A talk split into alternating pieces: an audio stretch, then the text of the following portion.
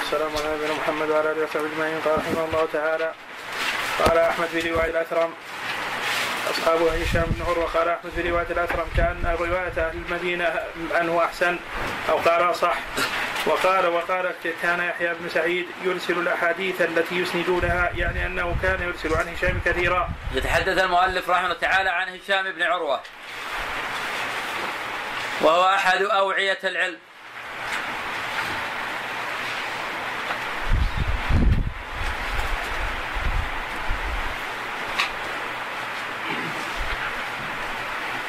ومعظم مروياته عن أبيه عروة ابن الزبير.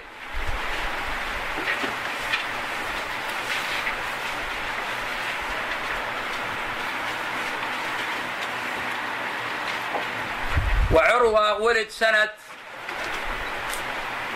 سبع وخمسين تقريبا. هشام بن عروة ولد سنة سبع وخمسين تقريبا. وأما عروة والده فقد ولد في أول خلافة عثمان. وقد عاش هشام بن عروة نحوا من ستة وثمانين عاما.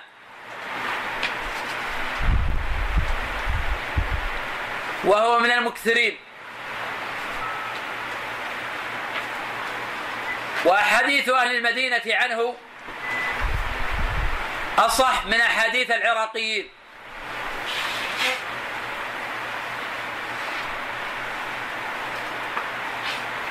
وله أصحاب كثر.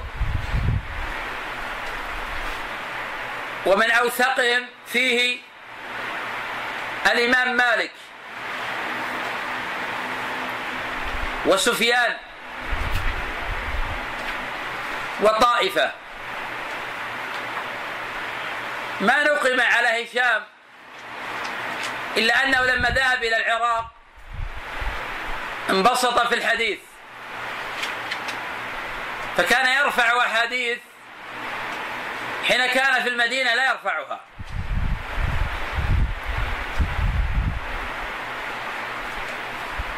ولأجل هذا تكلم فيها الإمام مالك رحمه الله تعالى.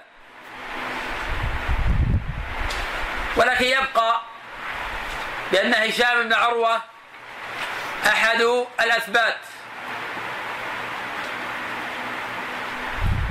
وأحد أهل المعرفة والضبط والإتقان. وحديثه موجود في جميع دواوين أهل الإسلام. قد احتج به جميع الأئمة.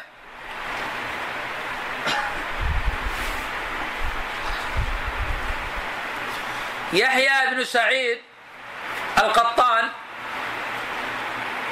من المتقنين لحديث هشام. وكان يرسل أشياء لا يرسلها غيره. بمعنى أن يحيى في رواية عن هشام لا يسلك الجادة. قد قلنا فيما مضى أن الذي لا يسلك الجادة عادة يكون معه زيادة علم. فيكون حديثه أضبط وأتقن من الذين يسلكون الجادة. ما معنى هذا؟ الجادة أن هشام بن عروة عن أبي عن عائشة. الجادة أن سهيل بن صالح عن أبي عن أبي هريرة. الجادة أن العلى بن عبد الرحمن بن يعقوب الحرقي مولاهم عن أبي عن أبي هريرة. الجادة أن عاصم بن كليب عن أبيه عن أبي هريرة.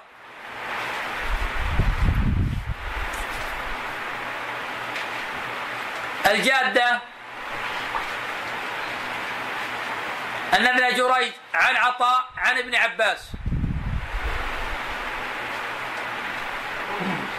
فإذا جاء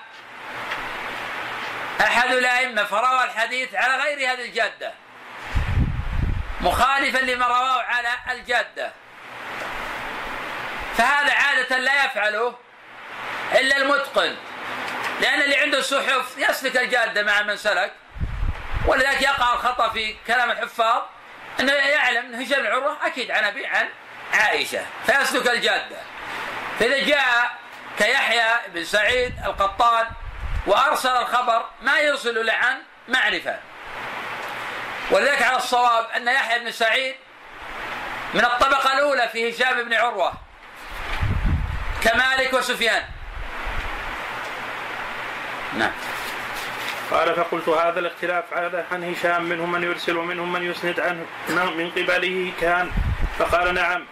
وذكر أن عيسى بن يونس بن يونس أسند عنه ما كان يرسله الناس كحديث عدي وغيره. وقيل له علي بن مسهر قال كان علي بن مسهر قد ذهب بصره فكان يحدثهم من حفظه. وقال الأكرم أيضا قال أبو عبد الله ما كان ما أحسن حديث الكوفيين عن هشام بن عروة؟ أسند عنه أشياء. قال وما أرى هذاك إلا على النشاط. يعني أن هشاما ينشط تارة فيسند ثم يرسل مرة أخرى. قلت لابي عبد الله كان هشام تغير. قال ما بلغني عنه تغير. وقال أبو عبد الله ما كان ما كان أروى أبا ما كان أروى أبا أسامة يعني عن هشام. فالتغير لا يبدو العلم أن هناك تغيرا. فهشام هو هشام. وإنما الإشكال في حديثه عن العراق في حديثه في العراق. وهو انبساطه في الحديث. ومن ثم كانت رواية أهل المدينة عن أحسن من رواية العراقيين. وليس معنى هذا أن رواية العراقيين ضعيفة كلا بل هي صحيحة. ولكن إذا اختلف المدنيون والعراقيون فإننا نقدم رواية المدنيين. ما كان أروى أبا أسامة يعني عن هشام. روى عنه أحاديث غرائب. قال ومالك يرسل أشياء كثيرة يسندها غيره. وقال أيضا ما رأيت احدا أكثر روايه عن هشام بن عروة من أبي أسامة ولا أحسن ولا أحسن رواية منه. ثم ذكر حديث تركة الزبير فقال ما أحسن ما جاء بذلك الحديث وأتمه. قال وحديث الافك حسنه حسنه وجوده. قال الاثرم قلت لابي عبد الله أبو معاوية صحيح صحيح الحديث عن هشام. قال لا ما هو بصحيح؟ الحديث عنه نعم أبو معاوية هذا هو محمد بن خازم الضرير تقدم الحديث عنه. وهو في الأعمش ثقة ثبت. وهو من أوثق الناس في الأعمش. وقد تقدم ذكره في أصحاب الأعمش. ولكن في هشام في نظر. وليس من المتقنين في هشام. وهو الذي روى عن هشام وتوضأ لكل صلاة. وهذه اللفظة معلولة.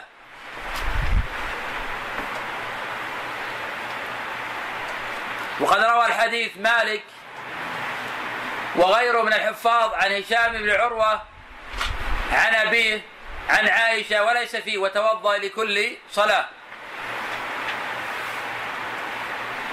ورواية مالك ومن تابعه هي الأصح.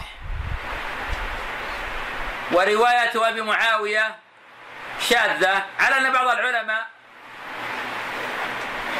قال هي غير مرفوعة. ولكن الظاهر أنها مرفوعة. كما هو ظاهر رواية عيسى الترمذي رحمه الله. نعم. وقال الدار قطني أثبت الروايه الرواة عن أثبت الرواة عن هشام بن عروة الثوري ومالك ويحيى قطان وابن نمير والليث بن سعد. وقال ابن خراش أثبت الرواة عن هشام بن عروة؟ الثوري ومالك ويحيى القطان وابن نمير والليث بن سعد.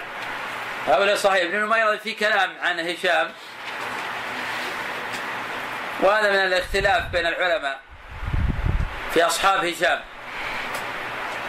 لكن مالك لا يختلف فيه في هشام. مالك رحمه الله النجم في نافع والنجم في الزهري والنجم في هشام بن عروة. تقدم أيضا الحديث عن مالك وأنه ثقة في كل الرجال. وأنه لا يكاد يروي عن رجل لا يكون في أوائل الطبقة من الرواة عنه. وهذا دليل على تقدم مالك رحمه الله. وعلى جلالة قدره. وحسن ضبطه. والخطأ عند مالك قليل. ومتى ما قرن بغير تبين فضل مالك. وتقدمت مناظرة الإمام أحمد رحمه الله لعلي بن مديني حين قدم علي بن مديني ابن عيينة في الزوري على مالك. أنكر عليه الإمام أحمد هذا.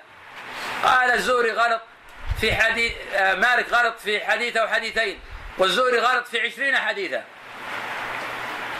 كذلك مالك غلط في حديث أبي معاوية آه، في حديث آه، معاوية بن الحكم السلمي في قصة الجارية.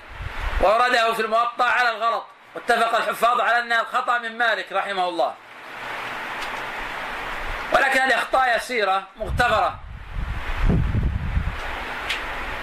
وكلما كان الراوي له كثرة رواية وكثرة أسانيد كلما كثر غلطه. فيغتفر كثرة هذا الغلط في جنب ما روى. أما الراوي المقل إذا كان يكثر غلطه فهذا دليل على سوء حفظه. وقلة ضبطه نعم. وقال ابن خراش في تاريخه هشام بن عروة كان مالك لا يرضاه وكان هشام صدوقا. تدخل أخباره في الصحاح. بلغني أن مالكا نقم عليه حديثه لأهل العراق قدم قدم قدم الكوفة ثلاث قدمات. قدمة كان يقول حدثني أبي قال سمعت عائشة وقدم الثانية فكان يقول حدثني أبي عن عائشة وقدم الثالثة فكان يقول أبي عن عائشة يعني لا يذكر السماع. قال وسمع منه بآخرة ووكيع وابن نمير وابن حاضر. انتهى. وهذا مما يؤيد ما ذكره الإمام أحمد أن حديث أهل المدينة عنه كمالك وغيره اصح أصح من حديث من حديث أهل أهل العراق عنه. وذكر العقيل باسناده عن ابن الله قال كان أبو الأسود يعجب من حديث هشام بن عروة عن أبيه وربما مكث سنة لا يكلمه. وعن ابن لهيعه عن عن عن أبي الأسود. قال لم يكن عروة يرفع حديث ام زرع إلى النبي صلى الله عليه وسلم إنما كان يقطع به الطريق. قال العقيلي لم يأتي بحديث بحديث مزرع غير هشام. حديث مزرع الطويل وهو في البخاري. نعم. وقال قال العقيلي لم يأتي بحديث مزرع غير هاشم. وأبو الأسود يتيم عروة أوثق من هشام. غير هشام. وأبو الأسود يتيم عروة أوثق من هشام. وقال ابن أبي خيثمة حدثنا موسى بن إسماعيل حدثنا العوام بن أبي العوام. الأعلم؟ قال كنت مع الزهري فقال أنا أعلم بعروه من هشام.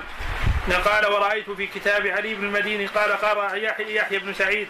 رأيت مالك بن أنس في النوم فسألته عن هشام بن عروة فقال أما ما حدث به وهو عندنا فهو أي كأنه صح صححه وما هو وما حدث به بعدما خرج من عندنا فكأنه يوهنه. وذكر ابن أبي خيثمة عن يحيى بن معين. قال حديث معمر عن هشام بن عروة مضطرب كثير الأوهام. قال القاضي إسماعيل قاضي المالكي بلغني عن علي بن المديني أن يحيى بن قطان كان يضعف أشياء حدث بها هشام بن عروة في آخر عمره لاضطراب حفظه بعدما أسن والله أعلم. وسمعت علي بن نصر وغيره يذكرون نحو هذا عن يحيى بن سعيد. كما قول أكابر الأئمة. بل هو قول عامة الأئمة المتقدمين. ولا يعرف عن أحد من الأئمة الأوائل أنه عل حديث ثقة موصول بالتدليس بمجرد العنعنة. إنما يعلون بالتدليس يقول دلس ولا يقولون عنعن.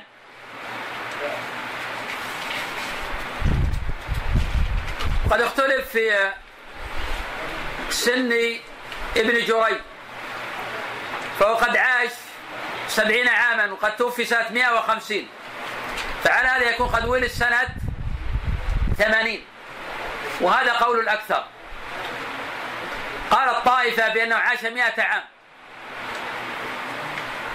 فعلى هذا يكون قد ولد سنة خمسين. وهذا في نظر. وابن جريج لم يدرك أحدا من أصحاب النبي صلى الله عليه وسلم. ولو كان قد ولد سنة خمسين لرأى على أقل تقدير بعض الصحابة فالزهري ولد سنة خمسين وسمع من بعض الصحابة وقتادة ولد سنة ستين وسمع عن جمع من الصحابة منهم أنس بن مالك وغيره. نعم. مكي. جريج مكي. ثم الآن يشرع المؤلف رحمه تعالى في الحديث عن أصحاب ابن جريج وعن الثقات عنه وما يتعلق بذلك. نعم. قال الأثرم قال أبو عبد الله كان يحيى بن سعيد يقول كان ابن جريج يحدثهم بما لا يحفظ يشير إلى أنه كان يحدث من كتب غيره. قال وما كنا نسمع نحن نسمع من ابن جريج إلا من حفظه. قال فقال له إنسان فلعل ابن جريج حدثكم حديثا عن شيئا من حفظه من كتب الناس. ثم قال أبو عبد الله كان ابن جريج يحدثهم من كتب الناس سماع سماع سماع بعاصم سماع بعاصم الضحاك بن مخلد. وهذا قول. وحديث أبي عاصم الضحاك بن مخلد عن ابن جريج في الصحيحين. فهذا مصير من الشيخين إلى قبولهما. أو إلى قبول رواية أبي عاصم عن ابن جريج. وأن ما ذكر عنه لا يؤثر على حديثه. ومسة أنه لا يحفظ. إذا كان يقصدون بحديث أو حديثين فهذا ممكن. وأما لا يحفظ مطلقا فهذا بعيد. فقد كان من أهل الحفظ والضبط ومن أوعية العلم.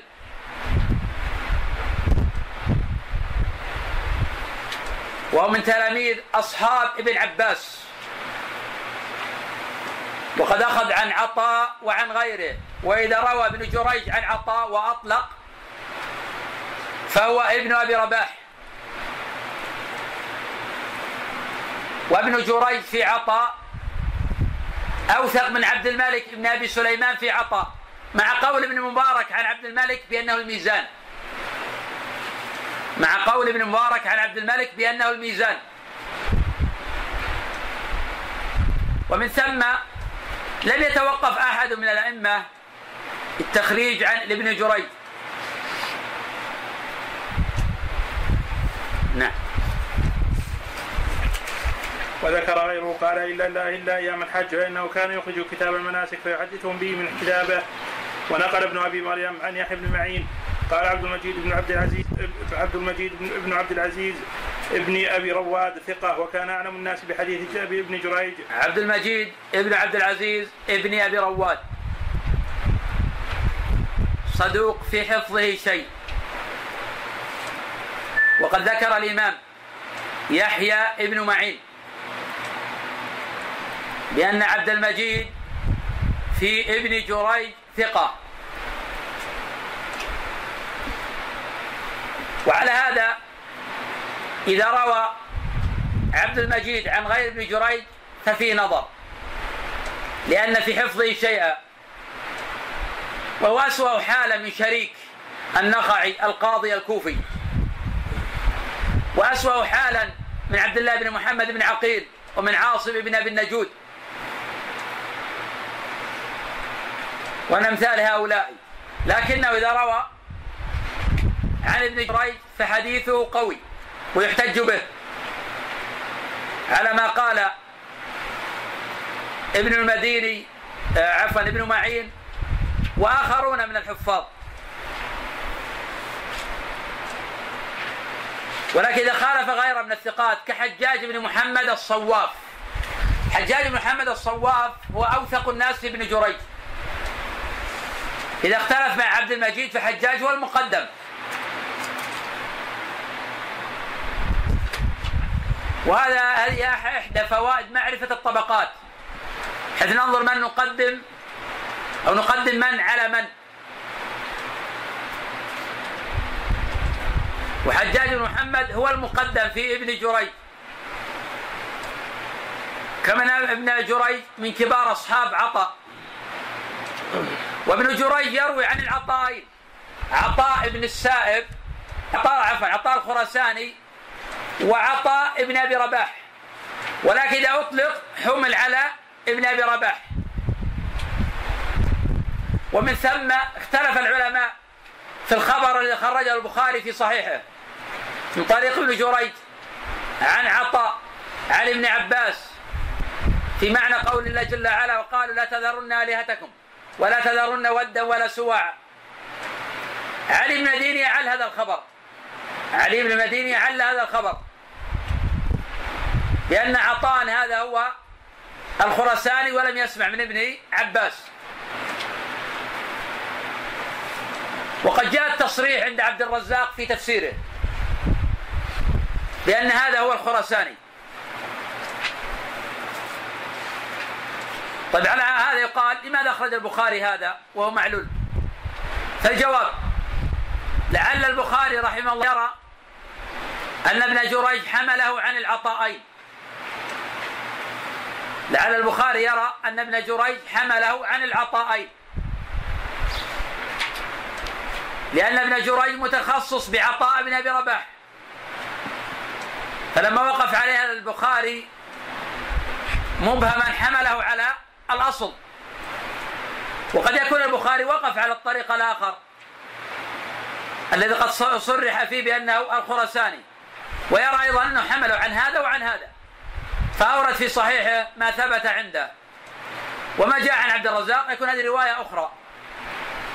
وهذا أحسن ما اعتذر به عن الإمام البخاري رحمه الله. أما مسألة تدليس ابن جريج قد قال دار قطني وغيره بأنه فاحش التدليس وقال غير واحد من العلماء بأنه مدلس.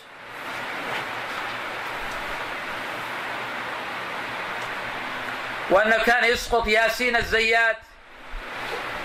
ويروي الأحاديث عن أبي الزبير محمد بن مسلم المكي ما لم يسمعه. ابن جريج له رواية عن أبي الزبير وهي موجودة في صحيح الإمام مسلم. وروى ابن جريج عن أبي الزبير أحاديث كثيرة.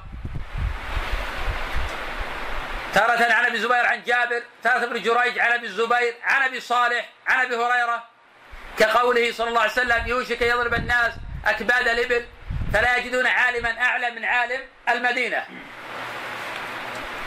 وهذا إسناد صحيح ولكن الراجح وقفه.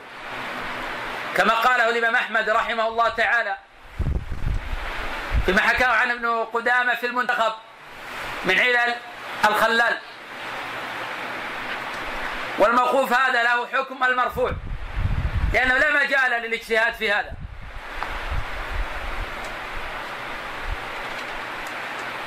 وابن جريج أحيانا يسقط ياسين الزيات في الرواية عن أبي الزبير ويجعل الحديث عنه عن أبي الزبير وهذا تدليس فاحش. ولكن هذا لا يعني. حديث ابن جريج بالعنعنة. فإن هذا لم يصنعه الأوائل.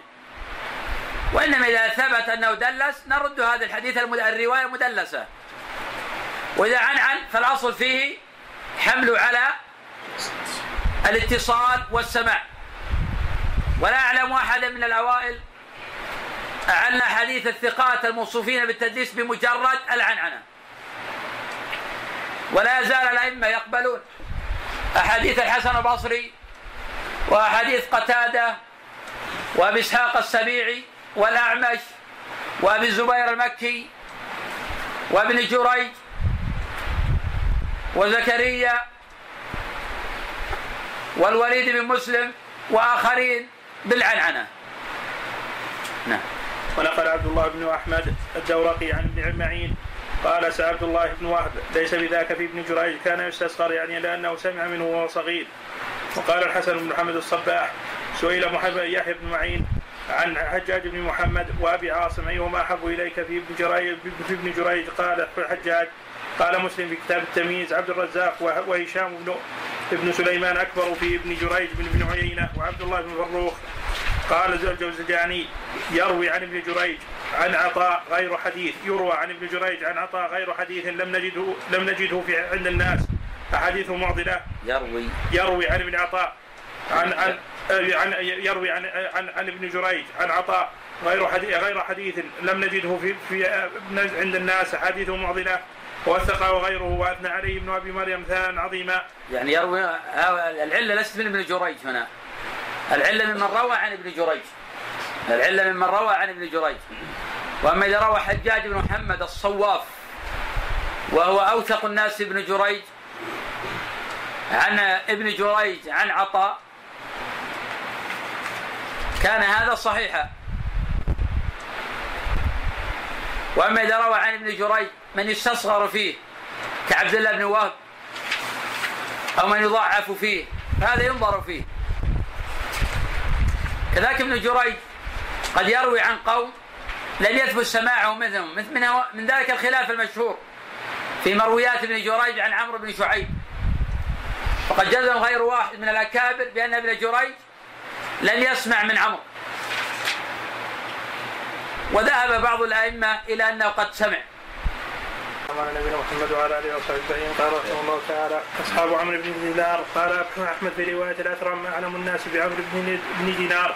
ابن عيينة ما أعلم احدا أعلم به من ابن عيينة. عمرو بن دينار تقدم. الحديث عنه أنه ثقة ثبت.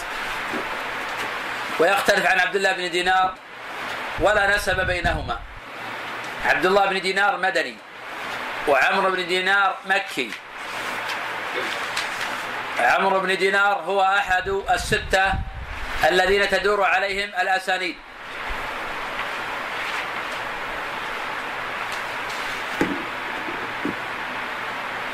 وهو متفق على توثيقه. وقد توفي بعد سنتين من وفاة الزهري. على هذا تكون وفاته سنة مئة وستة وعشرين. عن ثمانين عاما. عن ثمانين عاما. على هذا تكون ولادته سنة ست وخمسين. على تكون ولادته سنة ست وخمسين. ست وأربعين. نعم هذا تكون ولادته سنة ست وأربعين. لأنه عاش ثمانين عاما. وله سماع من ابن عباس وابن عمر وجابر بن عبد الله. وله أصحاب كثيرون.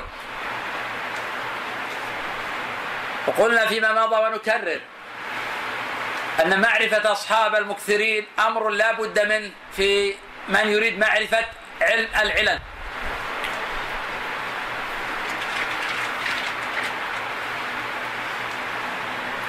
تقدم عندنا الحديث عن الزهري ومن المكثرين والحديث عن نافع وهو من المكثرين والحديث عن الأعمش وهو من المكثرين وواحد الستة على قول علي بن مديني. والحديث عن عبد الله بن دينار وهو من المكثرين. فنريد أن نمر بعض الشيء بسرعة على عجل فيما مضى. أصحاب الزهري خمسة أعطنا أصحاب الزهري خمسة بسرعة. معمر. معمر. يونس. مالك. شعيب. وعقيل. أصحاب الأعمش. خمسة من أصحاب الأعمش.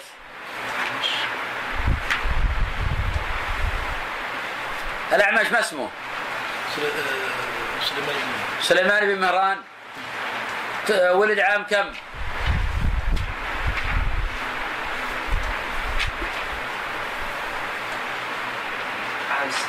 عام ستين. توفي عام كم؟ سبق سألناكم وواحد منكم أجاب. نعم. نعم؟ نعم صحيح. أصحابه من يذكر لنا خمسة من أصحاب الأعمش؟ سفيان. والقطان وزائدة وشعبة ليس منهم. نعم. زائدة وزائدة صحيح. هؤلاء خمسة. طيب تقدم عندنا نافع. نريد خمسة من أصحاب نافع. مالك. مالك. وأيوب. وأيوب. وعبيد الله وعبد الله بن عمر بن عمر العمري عمر وعمر بن نافع. بن جريج. نعم وابن جريج الثاني وكذلك إسحاق وجماعة. بالأمس أخذنا ماذا من الطبقات؟ أخذنا تكلمنا عن ابن جريج. من أوثق الناس ابن جريج؟ أوثق الناس ابن جريج. الصواف. جيد. من من أصحاب ابن جريج؟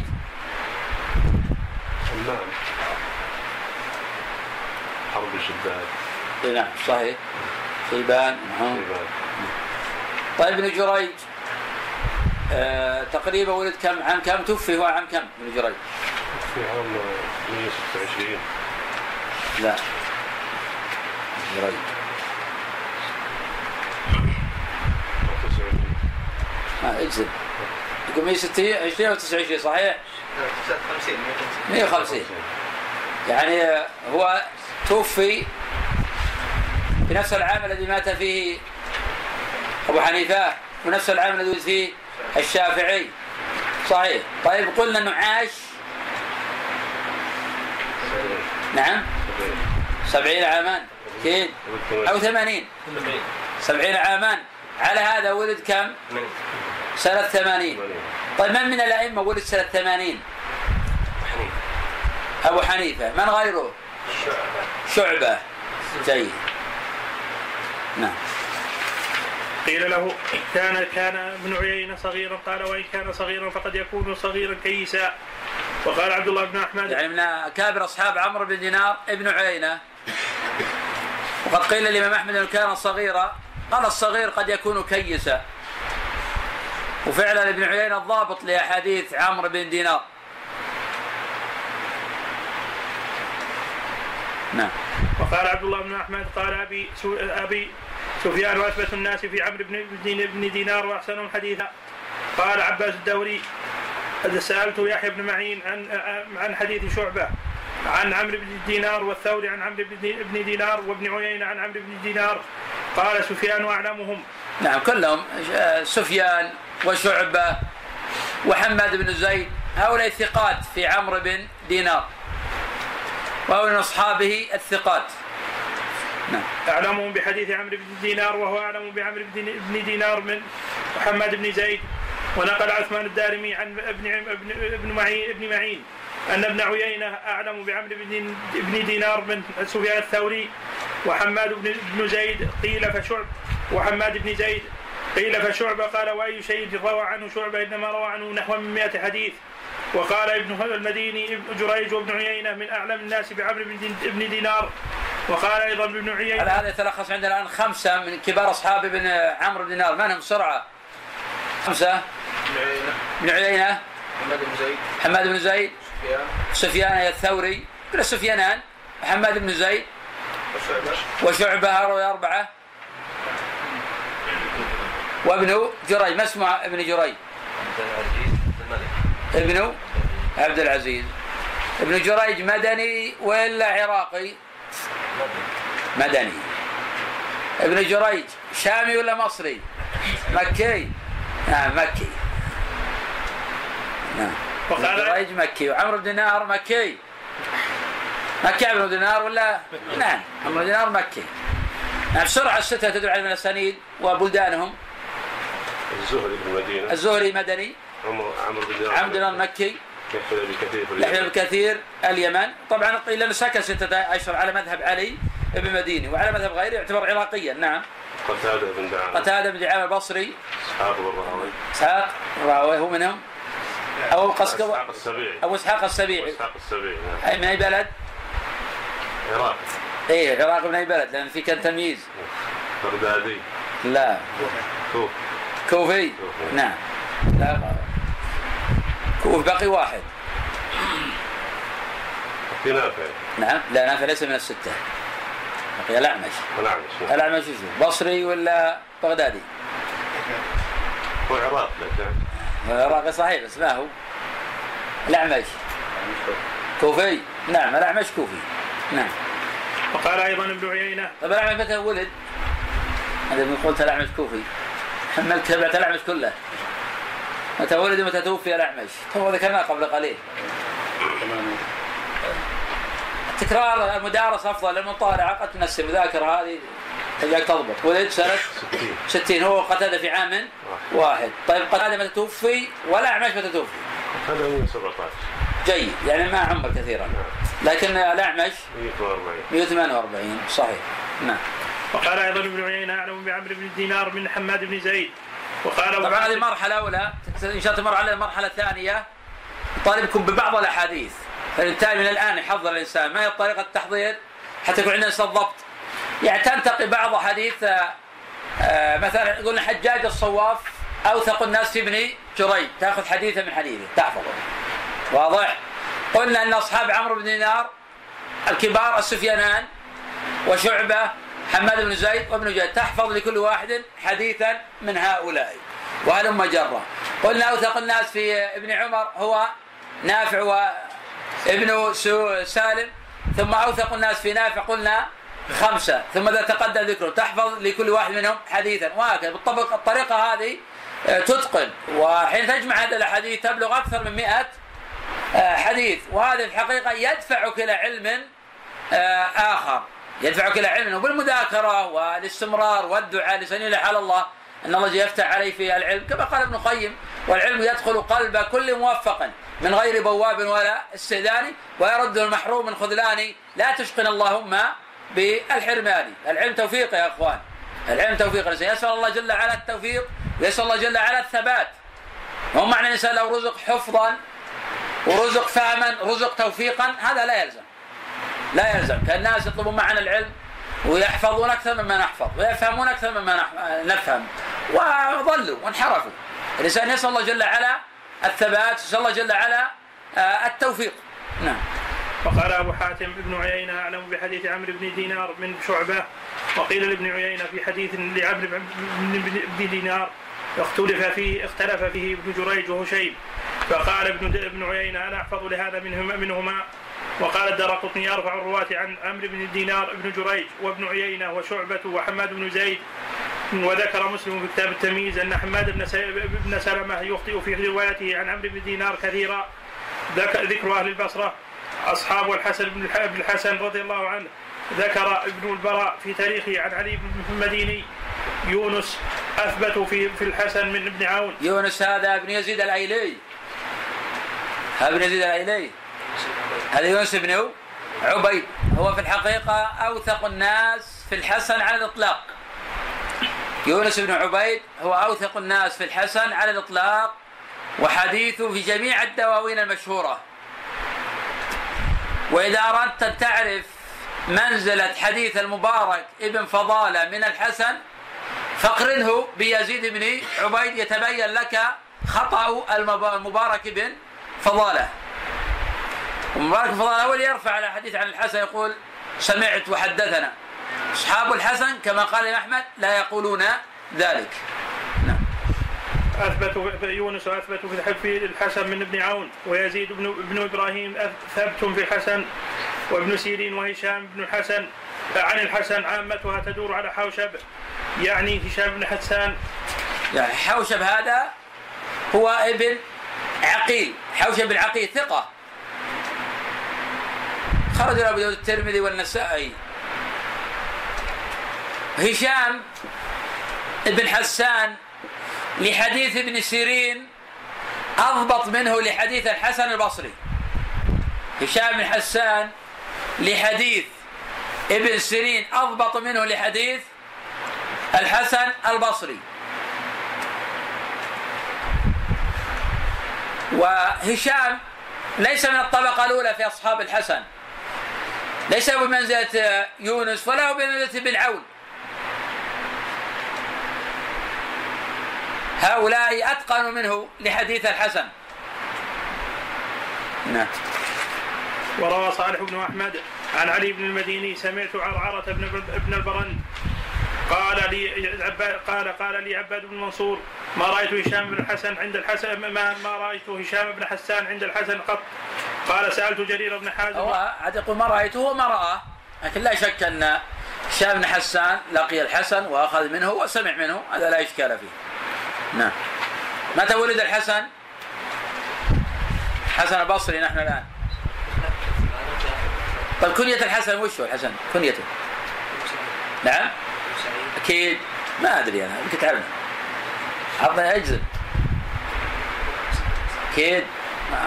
خالين حسن. تقول أبو سعيد صح عليه؟ وأنت؟ ما راجعت؟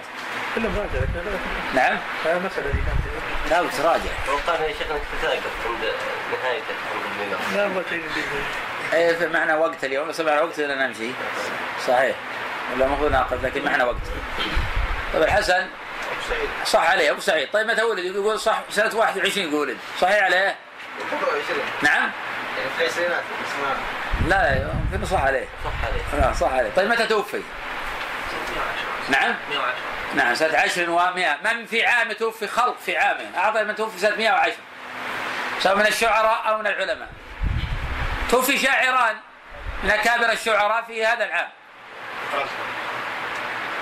فرزق من؟ وجري فرزق وجري ومن توفي من العلماء في هذا العام؟ ابن سيرين. إذا توفي عالمان وشاعران سنة عشر ومئة. أما العالمان فهما الحسن وابن سيرين. وأما الشاعران فجرير والفرزدق. نعم. قعدت الحسن قال قعدت سألت جرير بن حازم فقال قعدت الحسن سبع سنين ما رأيت هشام عند هشاما عنده فقد قط. فقلت يا ابن النضر قد حدثنا عن الحسن بأشياء ورويناها عنه فعمن ترى وتراه وأخذها قال اراه وأخذها عن حوشب. وقال حوشب تقدم عندنا أنه هو ابن عقيل وأنه ثقة. خرج أبو داود, أبو داود الترمذي والنسائي. نعم. وقال يعقوب بن سفيان قال ابن المديني أصحاب الحسن حفص المنقري. ثم ثم قتادة وحفص فوقه. ثم قتادة بعده ويونس وزياد الاعلم وكان حفص في الحسن مثل ابن جريج في عطاء وبعد هؤلاء أشعث بن عبد الملك ويزيد بن إبراهيم وقرة طبقة وأبو الأشهب وجرير بن حازم طبقة وأبو حرة. على هذا اعطونا خمسة بسرعة خمسة نقف على هذا خمسة في أص- من كبار أصحاب الحسن اللي عليهم المعول خمسة. يزيد بن حبيب يونس. يونس بن حبيب آه ابن عبيد. حوشب لا. أو هشام لا ولا هشام لا هشام ولا حسن ليس من كبار أصحاب الحسن. هم يروون صحيح كلام بس ليس من كبار. نعم وابن عون عبد الله بن عون. اثنان ذولا. باقي خمسة خمسة. حفص نعم حفص المنقري وقتل بن دعامة السدوسي. السادس السادس الخامس. نعم. عوف عبد الجميل ثقة لكن في يمكن أوثق منه ولا ثقة نعم. ومن رجال الستة أيضا عفنا بجميلة. جرير. نعم. جرير. ثقة أيضا رجال الجماعة. كلها من الثقات. لكن زيادة الأعلم ربما نضع الخامس من الطبقة الأولى. يزيد نعم. يزيد بن إبراهيم إيه لكن زيادة الأعلم نضع زيادة الأعلم أصحاب الحسن كثيرون لأن الحسن مكثر ليس مقلا وأصحابه كثيرون. نعم. وكان حفص في الحسن مثل ابن جريج في عطاء وبعد هؤلاء أشعث بن عبد الملك وزيد بن إبراهيم وقرة طبقة وأبو الأشهب وجرير بن حازم طبقة وأبو حرة وهشام بن حسان بن حسن طبقة وسلام بن مسكين والسري بن يحيى السري. والسري بن يحيى طبقة وأبو هلال فوق مبارك ومبارك احب إلي من الربيع عن ابن صبيح. الحمد لله رب العالمين والصلاة والسلام على نبينا محمد وعلى آله وصحبه أجمعين. قال رحمه الله تعالى وقال أحمد ما في أصحاب الحسن اثبت من يونس ولا أسند عن عن عن الحسن من قتادة. تقدم بالأمس عندنا أصحاب الحسن البصري. وذكرنا أوثق الناس في الحسن البصري. ولكن قبل ذلك نراجع مراجعات عامة. فنقول متى ولد الحسن؟ ما حضرت الأمس غايب؟ قبل أمس ما حضرت؟ طيب عطنا متى ولد الحسن؟ لو ما حضرت. متى ولد الحسن؟ سنة 21 متى توفي؟ 110 اذكر لنا خمسة من أكابر أصحاب الحسن. يونس بن عبيد. يونس بن عبيد. حفص المنقري حفص المنقري وابن عون. عبد الله بن عون. بقي اثنان. أبان. قتادة. وزياد الأعلم اذكر لنا خمسة من شيوخ الحسن من الصحابة. من الصحابة. لكنه ما سمع من عمر. عمر قتل الحسن ما سمع من عمر. قتل عمر ذا سنة ثلاث وعشرين. والحسن ولد سنة إحدى وعشرين. عثمان. نعم سمع من عثمان وهو يخطب على المنبر. الأول عثمان بن عفان رضي الله عنه. الثاني سمرة سمع من حديث العقيقة؟ نعم. أبو بكر. أبو بكر نعم. حديثه في الصحيح أيضا نعم. هؤلاء ثلاثة بقي اثنان. عمران بن حصين نعم. عمران لكن آه، في خلاف الصواب إنه لم يسمع منه. انس بن مالك كما ذهب اليه يحيى بن سعيد القطان ويحيى بن معين وعلي بن المديني وأحمد بن حنبل وآخرون. أنس بن مالك صحيح. الخامس؟ جابر. جابر بن عبد الله. كيف سمع من جابر في خلاف سماع من جابر. الحسن في سماع الحسن من جابر خلاف قوي. وما هناك شيء يثبت. ابن خزيمة يميل إلى أنه سمع لكن ما هناك شيء يثبت سماعه. لأن الحديث مختلف فيها. وعلى كل من الخلاف. نريد من المتفق على القوي الذي يغلب على الظن وسمع. الخامس من هو؟ نعم. ما سمع. الحسن لم يسمع عباس شيئا أبدا. متى توفي ابن عباس؟ 58 68 أبو هريرة توفي سنة 58 طيب من هم؟ عن سمرة. نعم. قلنا عن سمرة سمع. سلام نعم. سلام وأيضا هنا في خلاف سماعه فيه في نظر أيضا. نعم. وأيضا في نظر هنا. في نظر. معقل بن يسار. معقل بن يسار. وسمع من آخرين أيضا.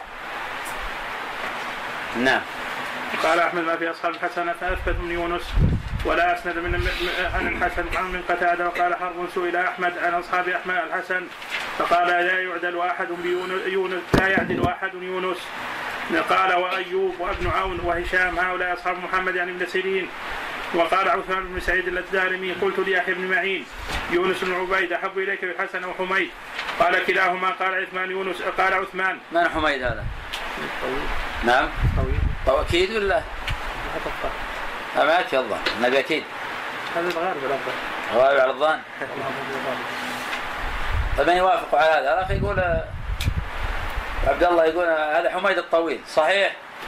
ولا في شك؟ نعم؟ صحيح. نعم أكيد. لماذا سمي طويلا؟ مع أنه ليس بطويل. نعم. لا. لأن له جارا قصيرا. اسمه حميد. فقيل حميد الطويل فعلق به. ولا لم يكن طويلا. لكن تمييزا له عن جاره. نعم. قال كلاهما قال عثمان يونس أكبر بكثير. قال قلت ليحيى فحميد اطلب أحب إليك فيه أو حبيب بن شهيد. قال كلاهما. قال عثمان وحبيب أحب الينا أحب إلينا. قال قلت سلام بن مسكين. قال ثقة. قلت سلام أحب إليك بالحسن أو المبارك. قال سلام بالتشديد. قال قلت سلام بن مسكين. قال ثقة. قال قلت سلام أحب إليك في الح- في الحسن أو المبارك. قال سلام. سلام مسكين هذا هو أبو الأحوص.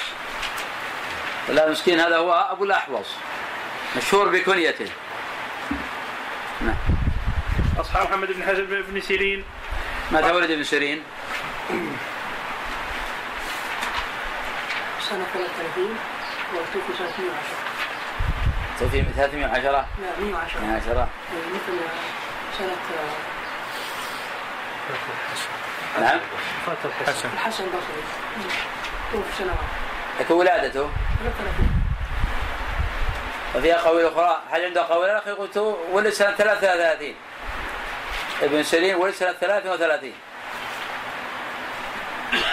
طبعا هذا موطن خلاف ما في أحد يجاوب؟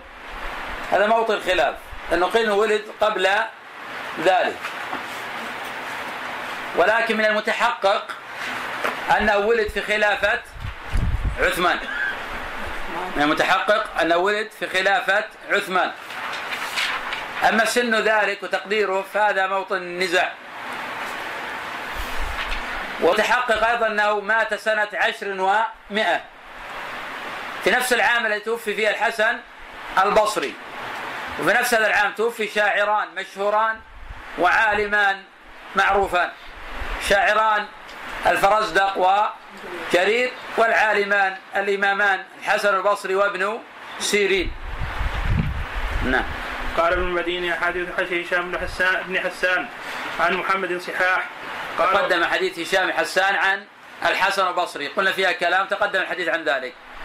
وأما حديث هشام بن حسان عن ابن سيرين فهي حديث صحاح وهشام من المتقنين. وهشام بن حسان من المتقنين لأحاديث ابن سيرين. نعم. قال ونسخت من كتاب ونسخت من كتاب ليس أحد أثبت في ابن يونس ابن سيرين من ابن من أيوب وابن عون. إذا اتفقا وإذا اختلف فأيوب أثبت وهشام أثبت من خالد الحذاء في ابن سيرين وكلهم ثقة ثبت. وكذلك سلمة بن عقي ابن علقمة وعاصم الأحول وليس في القوم مثل مثل أيوب وابن عون. وهشام الدستوائي ثبت. وقال ابن أبي خيثمة سمعت يحيى بن ابن معين يقول إذا اختلف ابن عون وأيوب في في في, في, الحديث فأيوب أثبت منه. وقال البرديجي لكن لو اختلف أيوب وابن عون في الحسن البصري من نقدم؟ من نقدم؟ ابن عون ولو اختلف أيوب وابن عون في ابن سيرين.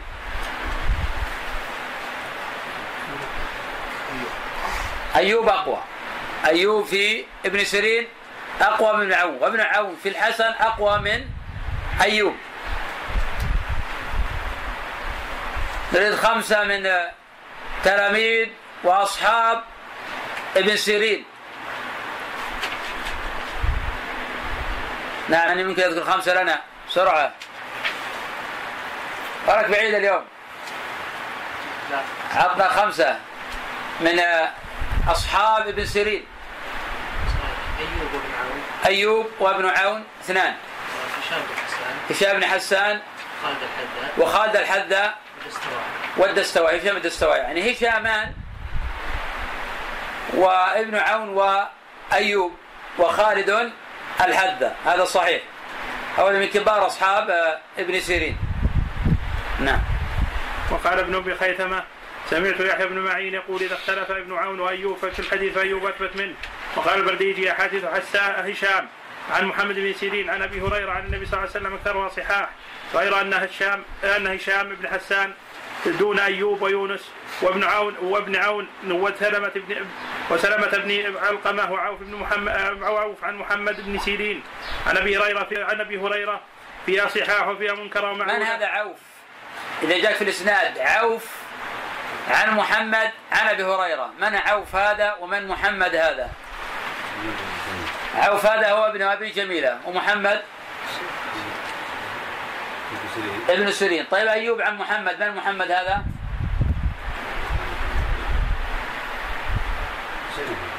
ابن سيرين طيب سفيان عن الزهري عن سالم عن ابن عمر من سفيان هذا؟